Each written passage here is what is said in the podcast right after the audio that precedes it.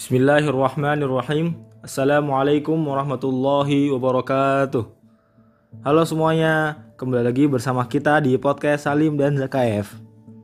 Insya Allah pada episode kali ini kita akan melanjutkan pembahasan mengenai perang Hunain.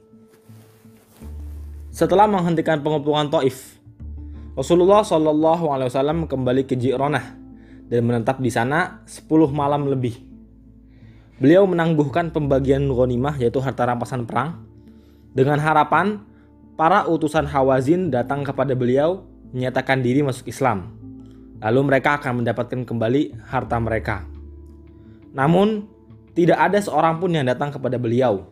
Akhirnya, beliau mulai membagikan harta rampasan itu agar para pemimpin kabilah dan pemuka-pemuka Makkah tidak banyak bicara.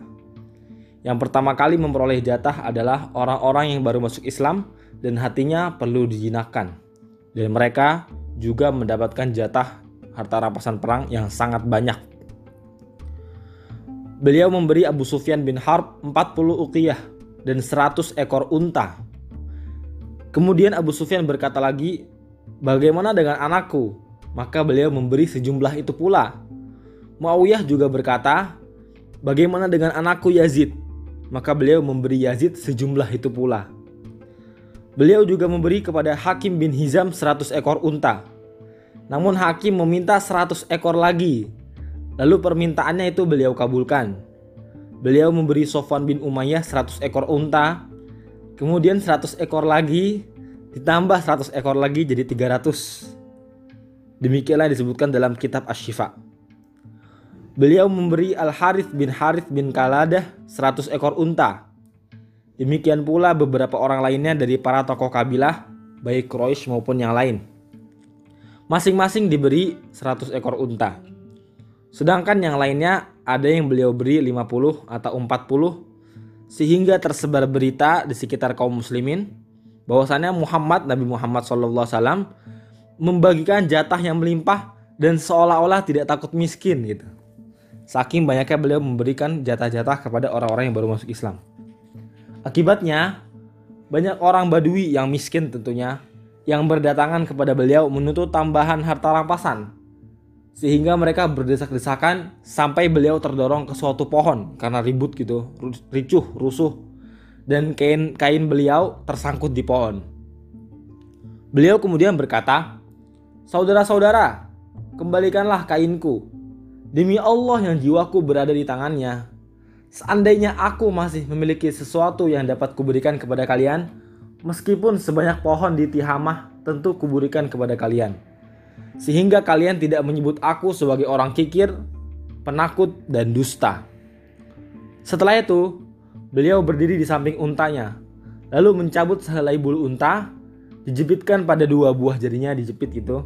Kemudian mengangkat tangannya seraya berkata, Saudara-saudara, demi Allah, tidak ada lagi harta rampasan padaku meskipun sebesar bulu unta ini, kecuali yang seperlima, dan yang seperlima itu akan kukembalikan kepada kalian. Setelah memberikan jatah bagian kepada orang-orang yang hatinya masih lemah, yaitu orang-orang yang baru masuk Islam, Rasulullah Shallallahu Alaihi Wasallam memerintahkan kepada Zaid bin Thabit untuk mendatangkan ghanimah yaitu harta rampasan perang dan mengumpulkan orang-orang. Kemudian beliau membagikan ghanimah itu dan setiap orang mendapatkan 4 ekor unta dan 40 ekor kambing. Sedangkan jika ia seorang penunggang kuda, ia mendapatkan 12 ekor unta dan 120 ekor kambing. Pembagian ini didasarkan pada suatu perhitungan yang matang. Sebab di dunia ini banyak sekali manusia yang mudah dipimpin ke arah kebenaran hanya melalui perut mereka, bukan melalui akal, akal pikiran mereka. Mereka itu tak ubahnya seperti binatang ternak yang mudah digiring ke kandangnya dengan segenggam rumput atau dedaunan yang dikekat yang didekatkan di depan mulutnya. Demikian pula, kelompok manusia seperti ini perlu dibujuk dan dirayu terlebih dahulu untuk mau beriman. Pada awalnya, kebijakan Rasulullah Shallallahu Alaihi Wasallam dalam pembagian ghanimah itu masih belum bisa dipahami oleh sebagian orang, sehingga muncul berbagai komentar untuk memprotes memprotes kebijakan Rasulullah Shallallahu Alaihi Wasallam tersebut.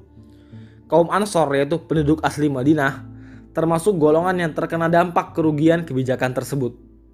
Mereka semuanya tidak menerima jatah pembagian harta rampasan perang Hunain.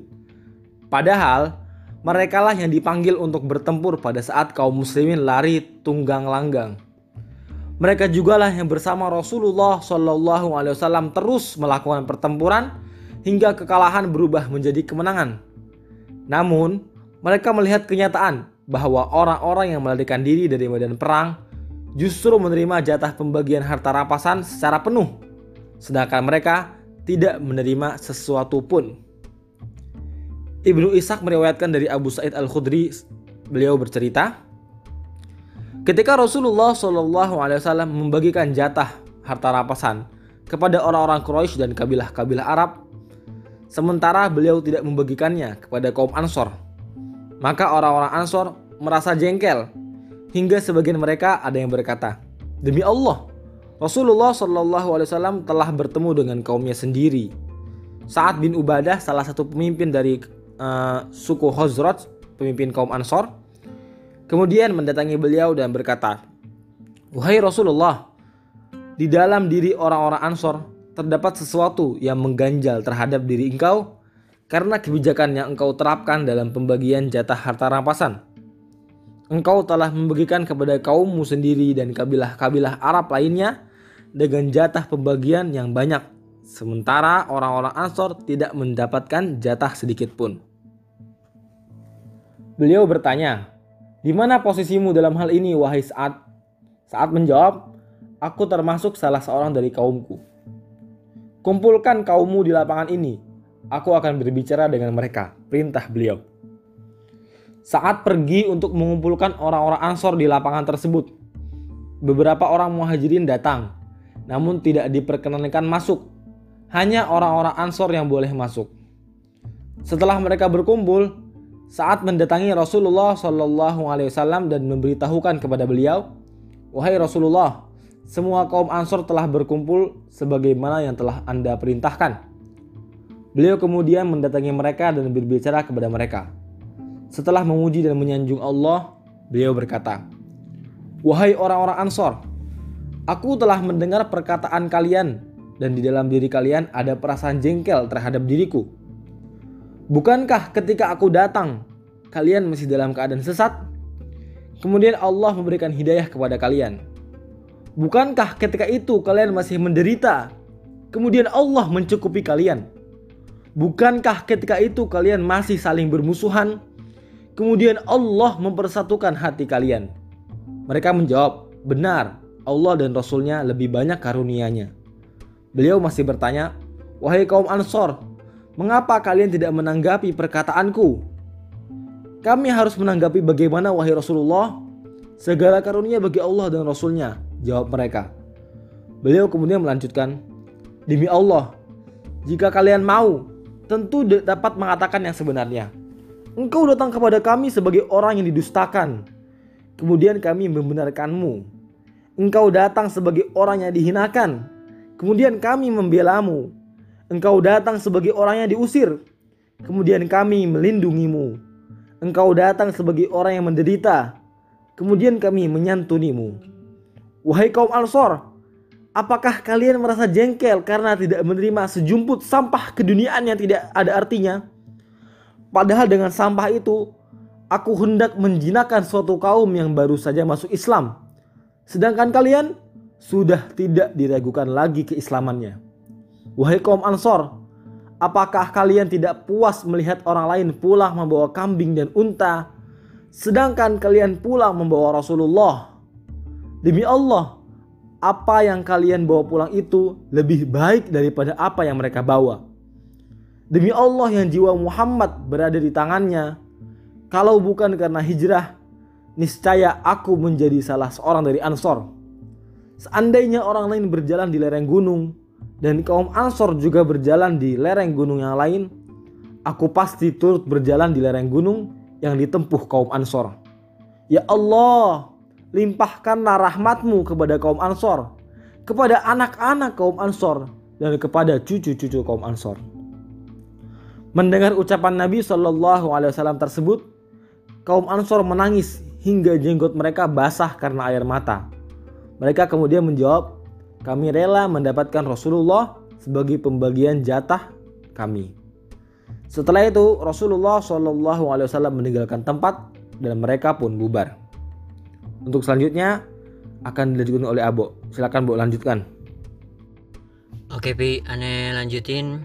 Jadi setelah umat Islam mendapatkan kemenangan yang besar dan seluruh harta rampasan telah dibagi, tak lama kemudian datang uh, gerombolan atau serombongan utusan dari Hawazin. Mereka berjumlah 14 orang dipimpin oleh Zuhair bin Surat dan di antara mereka ada paman Rasulullah Shallallahu Alaihi Wasallam dari jalur susuan yaitu Abu Burkon. Rombongan ini menyatakan diri untuk masuk Islam. Maksudnya ini utusan ya dari orang-orang Hawazin untuk menyatakan mereka tunduk kepada Rasulullah Shallallahu Alaihi Wasallam dan masuk Islam. Ketika itu mereka meminta agar Rasulullah Shallallahu Alaihi Wasallam mengembalikan tawanan dari orang-orang Hawazin dan juga harta benda mereka. Dan Rasulullah Shallallahu Alaihi Wasallam bersabda kepada mereka agar datang lagi setelah sholat zuhur dan memohon lagi kepada Rasulullah Shallallahu Alaihi Wasallam dan kaum muslimin. Ketika itu, ketika setelah sholat zuhur, utusan-utusan dari Hawazin ini kembali lagi datang kepada Rasulullah Shallallahu Alaihi Wasallam dan kembali dengan permohonan yang serupa. Ketika itu Rasulullah Shallallahu Alaihi Wasallam bersabda, yang menjadi bagianku dan bagian bani Abdul Muthalib menjadi milik kalian kembali, maka aku akan memohon kepada orang-orang yang lain untuk kepentingan kalian. Akhirnya orang-orang muhajirin dan ansor pun juga berkata milik kami adalah milik Rasulullah Shallallahu Alaihi Wasallam. Pernyataan ini menunjukkan bahwasannya mereka juga bersedia mengembalikan tawa, para tawanan dari orang-orang Hawazin dan harta benda milik mereka. Tetapi ada beberapa orang yang tidak mau mengembalikan tawanan dan harta benda tersebut, yaitu ada Al-Aqra bin Habis dari Bani Yamim, ada Uyainah bin Hisan dari Bani Fazaroh, ada Al-Abbas bin Mirdas dari Bani Sulaim. Tetapi Bani Sulaim menyahuti perkataan Al Abbas bin Mirdas yaitu milik kami adalah milik Rasulullah Shallallahu Alaihi Wasallam dan akhirnya Al Abbas bin Mirdas pun ikut mengembalikan para tawanan dan harta benda milik orang-orang Hawazin.